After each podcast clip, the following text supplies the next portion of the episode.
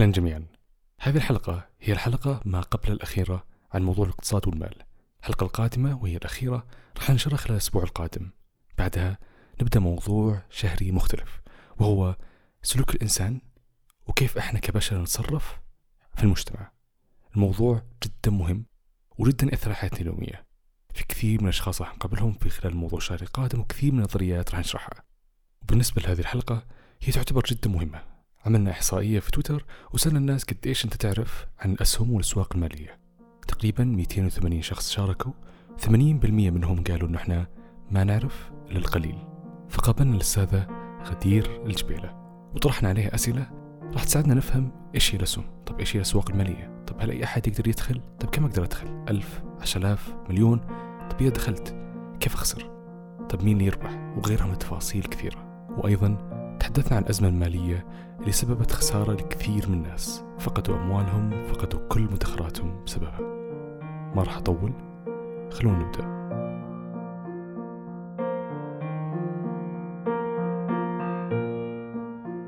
غدير الجبيلة آه، ماجستير في الاقتصاد وبكالوريوس أيضا في الاقتصاد. خبرتي حوالي ثمان سنوات ما بين آه، شركات متعددة الجنسيات وشبه حكومية وقطاع خاص. حاليا أنا رئيسة اللجنة الشبابية في جمعية الاقتصاد السعودية النقطة والسؤال الأول هو إيش هي الأسواق المالية؟ وإيش الفرق بين الأسواق المالية والأسهم؟ بالنسبة للأسواق المالية طبعا من اسمها أول شيء سوق والسوق معروف معناته في بائع ومشتري هذا كلمة سوق. أما بالنسبة للمالي معناته المنتج اللي قاعد اللي يتم تبادله منتج مالي. يا إما يصير ما بين آه، المنتجات المالية اللي هي الأوراق المالية اللي هي بين الأسهم والسندات. طبعا أوراق مالية كثير بس غالبا في السعودية اللي هي الأسهم والسندات وصناديق الاستثمار. الأسواق المالية جزء منها الأسهم. أسواق مالية معناته استثمار في أوراق مالية. طب إيش هي الأوراق المالية؟ الأوراق المالية هي عبارة عن آه، أسهم وسندات وصناديق استثمار والأسهم نفسها في أنواع كثيرة في أسهم ممتازة في أسهم عادية في عدة عدة أنواع للأسهم. هذه كلها تسمى أوراق مالية لأن هي في الواقع أوراق. زي مثلا الأسهم هي عبارة عن صكوك ملكية. فعبارة عن أوراق يعني في السابق كانت تداعى يعني تتداول عن طريق أوراق قبل لا يصير في منصة تداول الحين قبل لا يصير في بورصات إلكترونية. في السابق كانت بورصات عن طريق توقع عند شركة مثلا تبغى تستثمر في شركة معينة تذهب إلى البنك ويصير بينك طبعا الشركة هذا البنك اللي مسؤول عن عن أسهم الشركة هذه. تروح عند البنك ويصير مثلا عملية اتفاقيات معينة توقع على أوراق معينة فهذه يصير خلاص أنت تمتلك رسميا حصة في هذه الشركة 500 أسهم 500 سهم 15 سهم حسب مشاركتك وحسب استثمارك فيها طيب مين يقدر يدخل ويشتري ويبيع في هذه الأسواق المالية؟ وهل فقط الأفراد يقدرون يدخلون ولا كمان الشركات؟ بالنسبة لأسواق المال والمستثمرين فيها طبعا داخل أسواق المال في أكثر من فئة في مستثمر وفي شركة أو في تأثيرها على المستثمر والشركة والاقتصاد ككل هذا كتعريف. بالنسبة للمستثمر المستثمر أي أحد آه، يهتم بزيادة رأس ماله المستقبلي تشغيل رأس ماله الحالي عشان آه، للحصول على عائدات مستقبلية أو عوائد مالية في المستقبل هذا بالنسبة هذا هذا المستثمر فأي أحد مهتم بالأوراق المالية مستثمر مهتم بالأوراق المالية فممكن يدخل السوق المالية. بالنسبة للشركات طبعا دخول الشركات في سوق السوق الأوراق المالية أو سوق الأسهم باختصار هذه الشركات اللي تحتاج تمويل.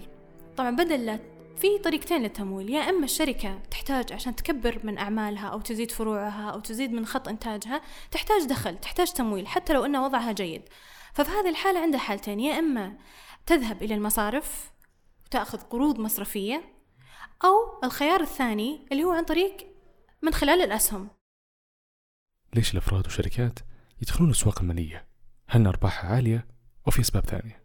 وأيضا طيب قديش لازم يكون معي حتى أقدر أدخل؟ هل أدخل بمية ألف ألفين إيش الحد القليل؟ بالنسبة لي آه، طبعا كل مكان كل سوق فيه مخاطرة فيه عوائد وفي مخاطرة في ناس كثيرة يعني هذا من أنواع الاستثمار يعني في الحين استثمار عقاري. في ناس مهتمة في الاستثمار العقاري بس في ناس مهتمة بأنواع أخرى من الاستثمار. أقل يعني مثلا العقار منتج وضخم وممكن حتى أعلى رأس مال. أما الأسهم اللي يبغى واحد بسرعة يزيد رأس ماله بس طبعا مخاطرته أكثر هنا. فاللي يبغى بسرعة يزيد رأس ماله ممكن يدخل عن طريق الأسهم. فهذه من ضمن خيارات الاستثمار. ليست خيار وحيد أو الأفضل من ضمن خيارات الاستثمار. في الأخير القرار الاستثماري يعود على المستثمر نفسه. بالنسبة للشركات آه الشركات اللي تحابة تكبر من أعمالها وتزيد خطوط إنتاجها بدل لا تذهب تمويل المصارف ممكن الأسهل أنها تذهب عن طريق سوق الأسهم. خصوصا لو كانت شركة كبيرة فتضمن وجود مستثمرين. بالنسبة للمستثمر والقيمة المالية اللي يدخلها في سوق الأسهم طبعا هذه يعتمد على الإمكانية المالية أو الملاءة المالية للمستثمر نفسه. وبقدر ما يدخل من رأس مال يدخله في سوق الأسهم بقدر ما يحصل عوائد وأرباح. طبعا وهذه تحصيل العوائد والأرباح طبعا يعتمد على معايير كثيرة يعتمد على تقييمه للشركة نفسها يعتمد على الوضع الحالي للاقتصاد يعتمد على مقارنة الصناعة نفسها بصناعات ثانية. يعني مثلا أنا أدخل آه، مثلا هل من الأفضل أني أدخل الحين أستثمر في قطاع التأمين ولا أفضل أستثمر مثلا في السلع الكمالية مثلا شركات التجزئة؟ يعني هو يعتمد على نوع الصناعة في الوضع الحالي للاقتصاد ونوع الشركة أو الوضع الحالي للشركة من خلال قوائمها المالية يعني. فيحتاج المستثمر عشان يدخل معلومات كاملة. وكل ما كانت المعلومات أكثر دقة وأكثر صحة طبعا ما في معلومات دقيقة مئة بالمئة كل ما كانت العوائد أكثر العوائد المستقبلية أكثر. إذا وصلت مثلا إذا وصلت أسهم حد معين ممكن تصير بالعكس كل ما زادت نسبتك في الشركة حوالي عشرة في المية تقريبا من الأسهم. آه راح يصير لك صوت كبير جدا وراح يصير في لك تأثير في أشياء كثيرة داخل الشركة هيكلة الشركة وأمور أخرى داخل داخل الشركة. بالعكس كل ما زادت أسهمك كل ما كان تمتلك مو بس ملكية أيضا حتى صوتك يكون مسموع. وغالبا الشركات ما تطرح أسهم كثيرة. غالبا الشركات لما تطرح أسهمها حد معين عشان مو من صالحها أنه يكون في أسهم مستثمرين معاها ويتدخلون في قراراتها الداخلية. بما أن الآن عرفنا كثير من تفاصيل المستثمرين والشركات ودخولهم للأسواق المالية الآن نحتاج نعرف أكثر عن سوق الأسهم بالتحديد وأيضا موضوع الاكتتاب.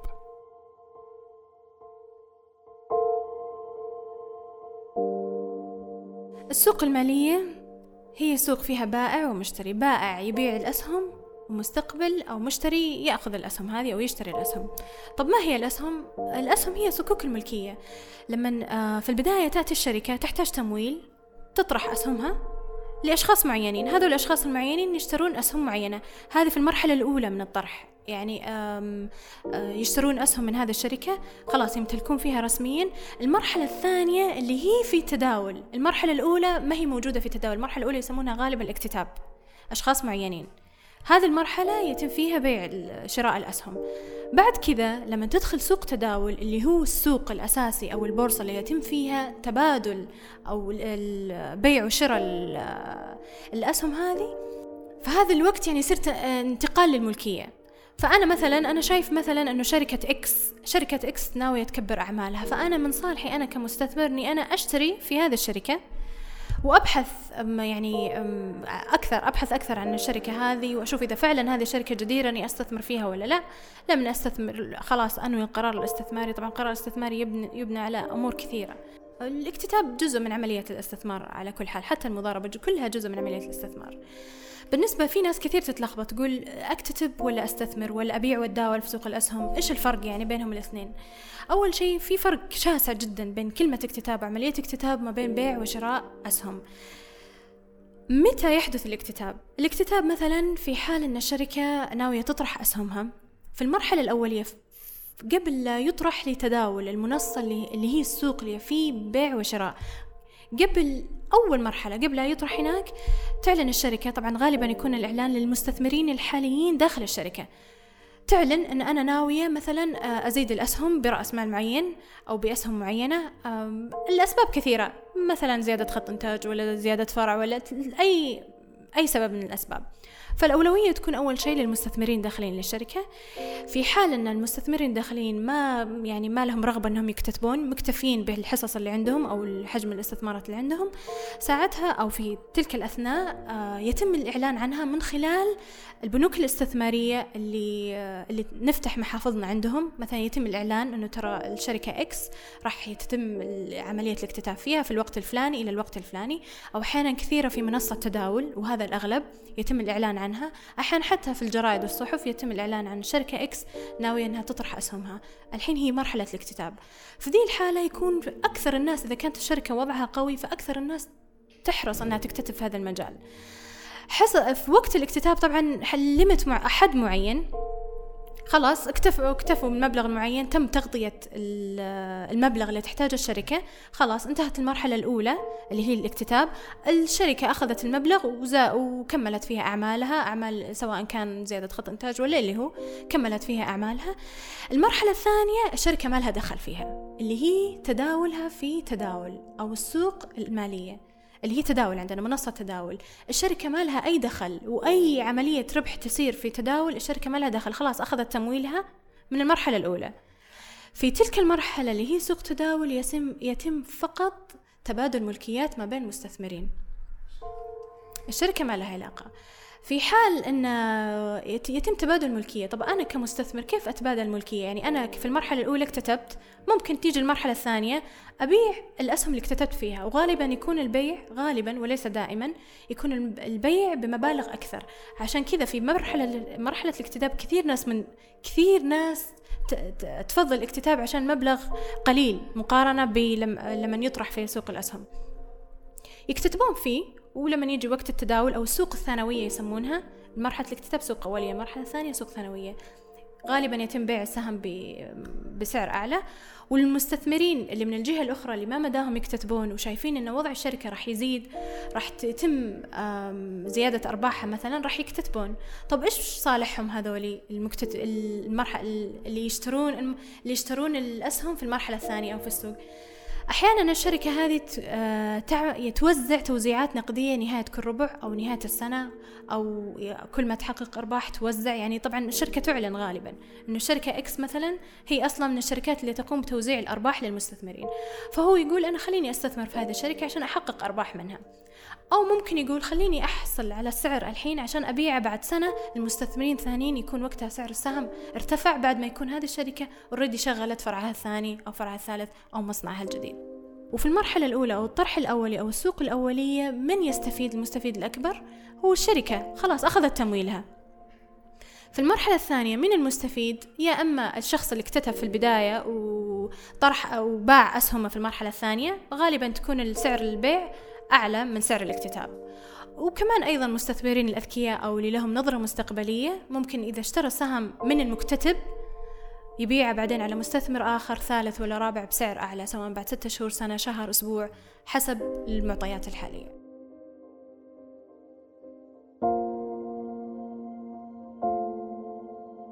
كثير من الأحيان نسمع في الأخبار أو حتى من الأشخاص اللي حولنا أنه الأسهم خسرت. طيب إيش العوامل اللي تؤدي عادة إلى أنه الأسهم تخسر. طبعا في أشياء كثيرة جدا آه، تسبب في خسائر للمستثمر. وغالبا الخسائر هذه طبعا أسباب كثيرة. يا إما مثلا وقت الاكتتاب كان خاطئ مثلا أو تم نشر سمعة أو مثلا عدة أسباب.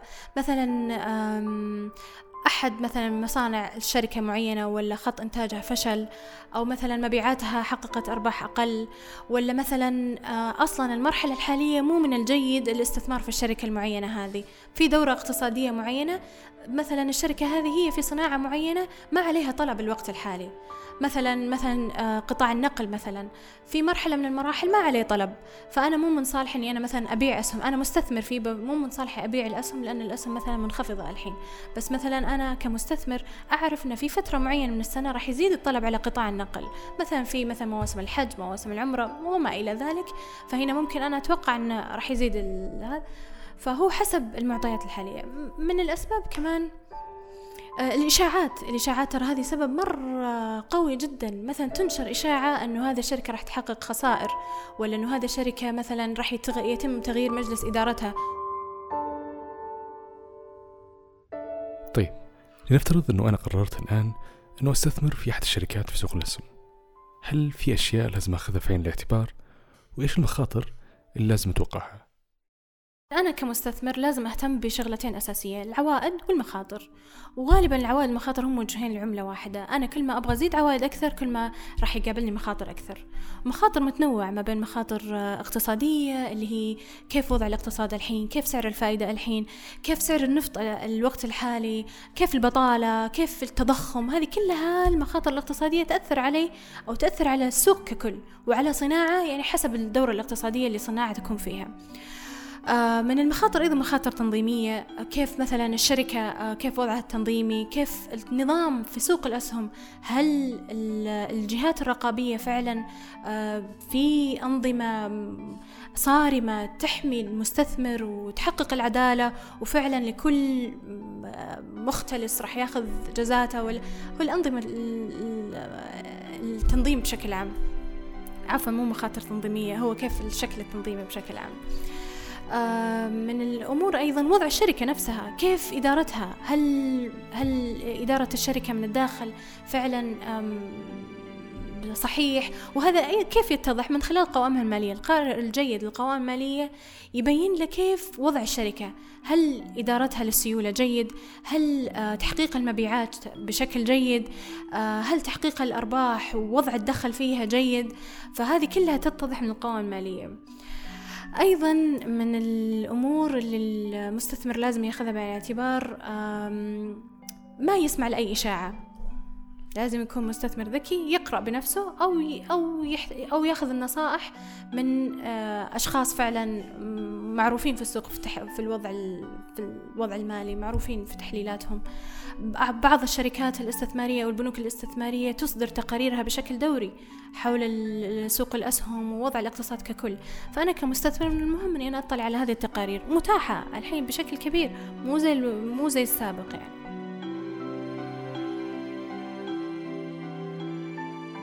عرفنا الحين إيش الأسباب اللي تؤدي إنه شخص يخسر لما يستثمر في الأسهم وإيش المخاطر اللي ممكن يواجهها؟ طيب إيش الشيء اللي ممكن يؤدي إلى خسارة سوق الأسهم كاملا؟ ينهار. واللي نشوفه عادة يتضح في الأخبار لما يعرضون سوق الأسهم النقاط كاملة إما انخفضت أو إنها باللون الأحمر. أحيانا فعلا يكون مثلا تشوف مؤشر الأسهم أحمر أحيانا تشوفه أخضر. فهذا الوضع مو معناته سوق الأسهم سيء ولا جيد لا معناته الوضع الحالي الحين أغلب أغلب الشركات محققة خسائر أو سعرها سعر الإغلاق أكثر أقل من سعر الإغلاق السابق بس مو معناته أبدا الوضع سيء. هو أفضل يكون مؤشر أخضر بس أيضا ما هو مؤشر لازم الواحد يكون يشوف معطيات كاملة. فمثلا من الأسباب الكثير الأسباب الرئيسية اللي ممكن إحنا نشوفها تؤدي إلى انهيار الأسهم ولا ارتفاع الأسهم بشكل واضح. مثلا أحيانا انهيار أسعار النفط هذا لها تأثير كبير جدا. إذا انهارت الأسعار النفط فوق المتوقع بمثلا آه، سبعة دولار خمسة دولار هذا راح يأثر ثاني يوم على طول في سوق الأسهم. أحيانا مثلا قرارات تكون في قرارات حكومية قوية وشديدة. هذه أيضا تأثر على سوق الأسهم. مثلا لو لاحظنا قبل إعلان الرؤية بيوم أو بعد إعلان الرؤية بيوم انتعش سوق الأسهم بشكل طب بشكل هائل. فيتأثر جدا ب آه، بالخوف ويتأثر جدا بالسمعة وبالوضع بالأخبار. جدا سوق الأسهم يتأثر فيها. بس مو معناته أنا كمستثمر إذا كانت الأسهم بالأحمر معناته أنا خسران. لا. يعني هي في الأخير آه، لازم الواحد كمان يشوف مدة مدة استثمارية معينة مو مو على طول يقيم من ثاني يوم أو ثالث يوم. لما يصير في خسارة في سوق الأسهم لدولة ثانية أنا غير موجود فيها هل هذا يأثر على سوق الأسهم للدولة اللي أنا موجود فيها؟ بمعنى لو أنا عايش في السعودية وخسر سوق الأسهم في دولة ثانية هل هذا مهم لي أو بالعكس ما يفرق؟ أحيانا السوق السوق العالمي مترابط أحيانا صار الحين صار في جلوبال تريد صار في تجارة بين الدول المختلفة أقصى الغرب إلى أقصى الشرق. فأكيد التجارة العالمية تؤثر. فنفس الشيء بسوق الأسهم. سوق الأسهم المحلي يتأثر بطبيعة الاقتصاد ككل؟ بس الأسواق المالية في منطقة واحدة تتأثر بالأوضاع الجيوسياسية اللي تأثر على المنطقة تحديدا. مثلا إذا صار شيء في سوق الخليج مثلا يأثر على الأسواق المالية الخليجية ككل. في المنطقة العربية يأثر على الأسواق المالية العربية ككل. نفس الشيء الأسواق العالمية. إذا صار حدث رئيسي يؤثر على التجارة العالمية ككل يؤثر على اقتصاد كامل. فشيء طبيعي في مؤثرات على يعني إقليمي وفي إقليمية وفي مؤثرات محلية. إيش هي الأزمة المالية اللي صارت لسوق الأسهم السعودية؟ وأدت أنه الكل يخسر أمواله وصارت سقطة كبيرة. وأيضا إيش هي الأزمة اللي أدت أنه كثير من الأسواق الأسهم العالمية تخسر تطيح سوق ورا سوق؟ وهل لهم علاقة ببعض أو هذول منفصلين؟ آه، أسهم المالية للسعودية 2006 ما لها علاقة بالأسهم العالمية. لما انهارت الأسهم العالمية 2009-2010 تأثرنا بشكل ضئيل جدا. ما تأثرنا بحجم مثل تأثيراتهم هم. كانت عندنا بالعكس حصانة يعني الوضع البنكي كان عندنا قوي. فغالبا يعني ما كان في تأثير قوي جدا كبير بالعكس تأثير 2006 كان أقوى بكثير من 2009 2010 طبعا آه، أنا في 2006 كنت لسه طالبة بس على حد علمي و... يعني قراءتي في السوق وال... آه انهيار 2006 كان له أسباب كثيرة. من ضمنها أو كان أول شيء كانت سوق الأوراق المالية جديدة جدا. كان الناس متعودين على استثمارات العقار والذهب. فقط. بالنسبة للأوراق المالية هذا كان شيء جديد. ما كان متعارف في السوق أبدا. في السابق ما كان في آه، وضع ما كان في لوائح تنظيمية ما كان في عقوبات ما كان في أي شيء واضح للسوق المالية. في السابق كانت الناس المستثمرين الأوائل على على منتج جديد اللي هي الأوراق المالية الأسهم والسندات فكان تحقيق الأرباح بشكل مهول جدا. فتخيل يعني بداية تقريبا 2002 كان كان كان السوق عند تقريبا 2500 نقطة. وكانت النقاط كان السوق تزيد الأرباح إلين وصل تقريبا في 2006 وصل تقريبا فوق 20 نقطة 20 ألف نقطة. فكان هذا يعني بالنسبة لل كان ولا من بداية 2002 إلين 2006 كان السوق يحقق أرباح هائلة. فكان من أغلب الشعب داخل في سوق الأسهم. فكان أي أحد ما هو داخل في سوق الأسهم كان شخص غير عاقل. أرباح مهولة وأنت ما تدخل في السوق. زاد الإشاعات اللي كانت موجودة. ناس غير متخصصين يتكلمون عن الأرباح يتكلمون عن كانوا يحرضون على الدخول في سوق الأسهم. فغياب الرقابة غياب المعلومات آه، أغلب الناس مع بدون يدخلون بدون تفكير يعني سعيدين أو يبغون يقطفون ثمار الأرباح هذه يعني من أكثر شيء يحقق أرباح. آه، كانت القروض سهلة في ذيك الوقت. أغلب الناس كانوا ياخذون قروض عشان يدخلون سوق الأسهم. أسباب كثيرة كثيرة كثيرة. يعني كان في زي اللي بالعكس تحريض إنه لا كل واحد كان يشوف الثاني يحقق أرباح فكان من غير المنطق يكون خارج السوق. آه طبعا غياب الخبرة غياب المعلومات الشركات انذاك طبعا وكمان في سبب قوي. كان إيش اللي يساعد الناس يدخلون سوق الأسهم؟ كانت في شركات قوية جدا. داخلة في سوق الأسهم كانت لسه داخلة في سوق الأسهم. فهذه الشركات القوية اللي كانت يعني مدعومة بالحكومة كانت داخلة في سوق الأسهم فكان أي مستثمر كان يقول أنا لازم, لازم أدخل مع الناس يعني هذه شركات قوية داخلة ليش ما أستثمر فيها؟ فكان تحقيق أرباح مهولة. زي ما قلت لك غياب الخبرة غياب المعلومات الشركات هذه الداء المدرجة في سوق الأسهم ما كانت تعلن عن قوائمها المالية. ما كان في نظام رقابي قوي ما كان في نظام رقابي يجبر الشركات أنها تطلع قوائمها المالية. ويكون في آه، وعي أكثر لوضع الشركة فعشان المستثمر يقرأ وضع الشركة فعلا ويعرف إذا هو فعلا من الجدير ومن الذكاء والحكمة أنه يستثمر فيها أو لا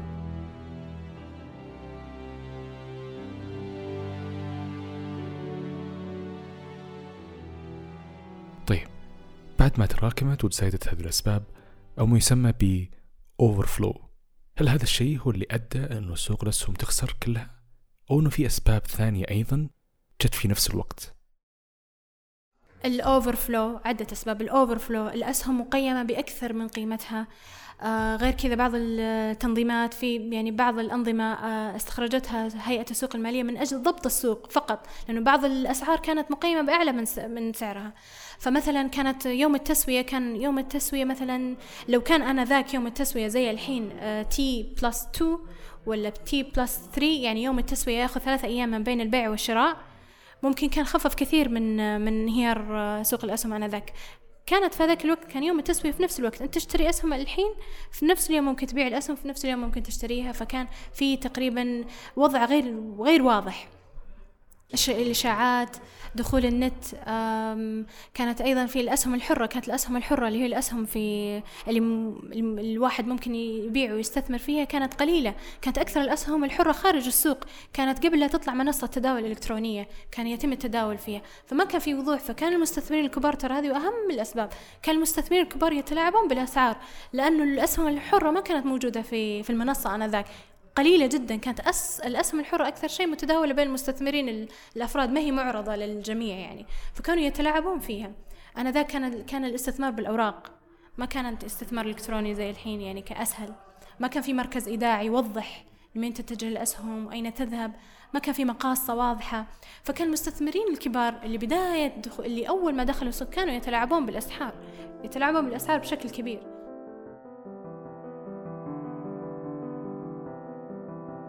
إذا أنا فرد في المجتمع ولا لي علاقة بالاستثمار أو الأسهم أو حتى مهتم بالاقتصاد هل مهم أني أعرف إيش اللي يصير في الأسهم؟ أو هذا الشيء فقط مهم للمستثمرين فيه؟ آه سوق الأسهم مو بالضروري كل فرد في المجتمع أنه يكون متخصص سوق الأسهم أو يعرف إيش يصير في سوق الأسهم بالعكس مين اللي مفترض إنه يعرف سوق الأسهم؟ أي مستثمر؟ مو أي مستثمر. أي مستثمر مهتم بالأسواق المالية أو آه، ينوي الدخول في الاستثمار في الأوراق المالية. فهنا مهم إنه يكون على دراية بالوضع الاقتصادي ككل. بالوضع وضع الدورة الاقتصادية المحلية سواء كان اقتصاد بوضع الاقتصاد ككل يعني الاقتصاد العالمي كيف أسعار الفائدة الفيدرالية كيف أسعار النفط كيف عملية الطلب وكيف عملية التجارة بشكل عام. الطلب مع الشركاء التجاريين مثلا الطلب مع الصين كيف وضع أمريكا الحرب التجارية اللي تصير ما بين الدول العظمى. هذه ضروري أنا كمستثمر يكون عندي اطلاع فيها مو متعمق بس يكون عندي اطلاع. اثنين الاقتصاد المحلي كيف الوضع الحالي كيف برامج الرؤية مثلا كيف الوضع البطالة كيف وضع التضخم آه، معدلات النمو. أمور كثيرة لازم يأخذها بعين الاعتبار أيضا بشكل مو متعمق بس بشكل آه، جميل وبشكل يعطيني مؤشر على آه، هل أنا من الجيد أني أدخل في الاستثمار الوقت الحالي أو أنتظر يعني فترة مدة معينة من الزمن. وأيضا من المهم أنا كمستثمر أشوف كيف طبيعة سوق المال إيش الإجراءات الجديدة إيش أنواع الشركات القطاعات. هذا يهم المستثمر. اللي ينوي الاستثمار في الأوراق المالية. لكن أي شخص في أي شخص طبيعي ما له علاقة بالاستثمار مو بالضرورة أنه يتابع الأسهم على الإطلاق يعني.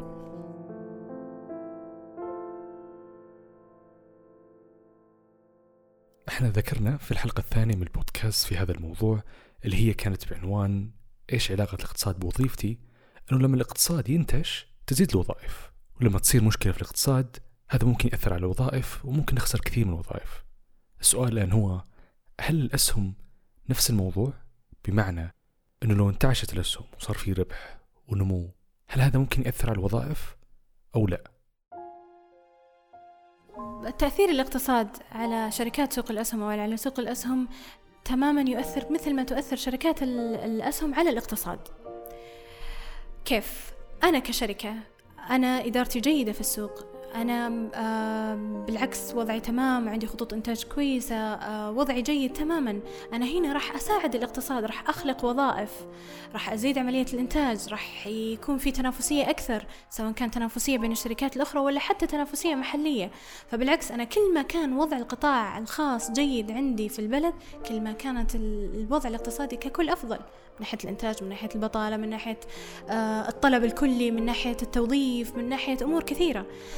تماما مثل ما أن الاقتصاد يؤثر على سوق الأسهم أيضا سوق الأسهم يؤثر على الاقتصاد. كلهم حلقة واحدة حجم التأثير يختلف المدى الزمني أيضا يختلف القطاعات تختلف. مثلا أنا موظف في شركة معينة هل أتأثر ولا موظف في شركة ثانية راح يتأثر؟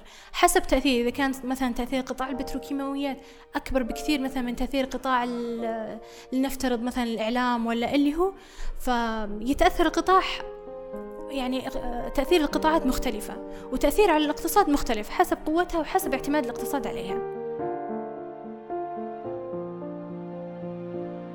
ختاما وهي آخر نقطة هل في نصيحة مهم أن الشخص يتبعها إذا هو مقدم على أنه يستثمر في الأسواق المالية؟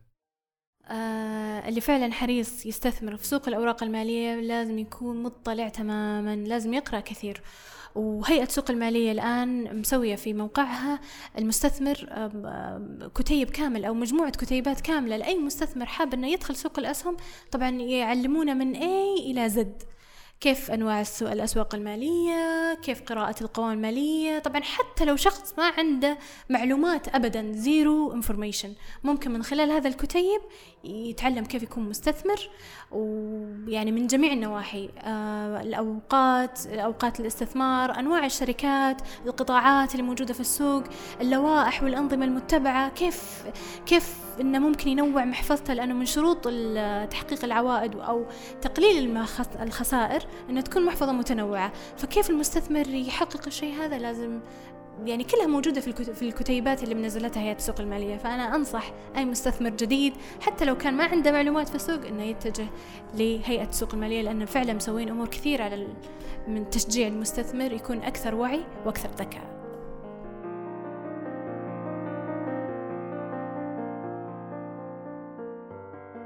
موضوع الأسواق المالية والأسهم والاستثمار كبيرة جدا ومستحيل أن يتم تغطيتها في حلقة واحدة. الحلقة القادمة راح تحدث تفاصيل عن الاستثمار وأيضا الأسهم بطريقة مختلفة. وأيضا كثير من المحتوى المتعلق بالاقتصاد والاستثمار والمال تم نشره على حسابنا على تويتر من مقاطع وأيضا مقالات وغيرها من النقاط راح نضع الحساب في الأسفل في قسم الوصف. كان معكم خالد القنيعة.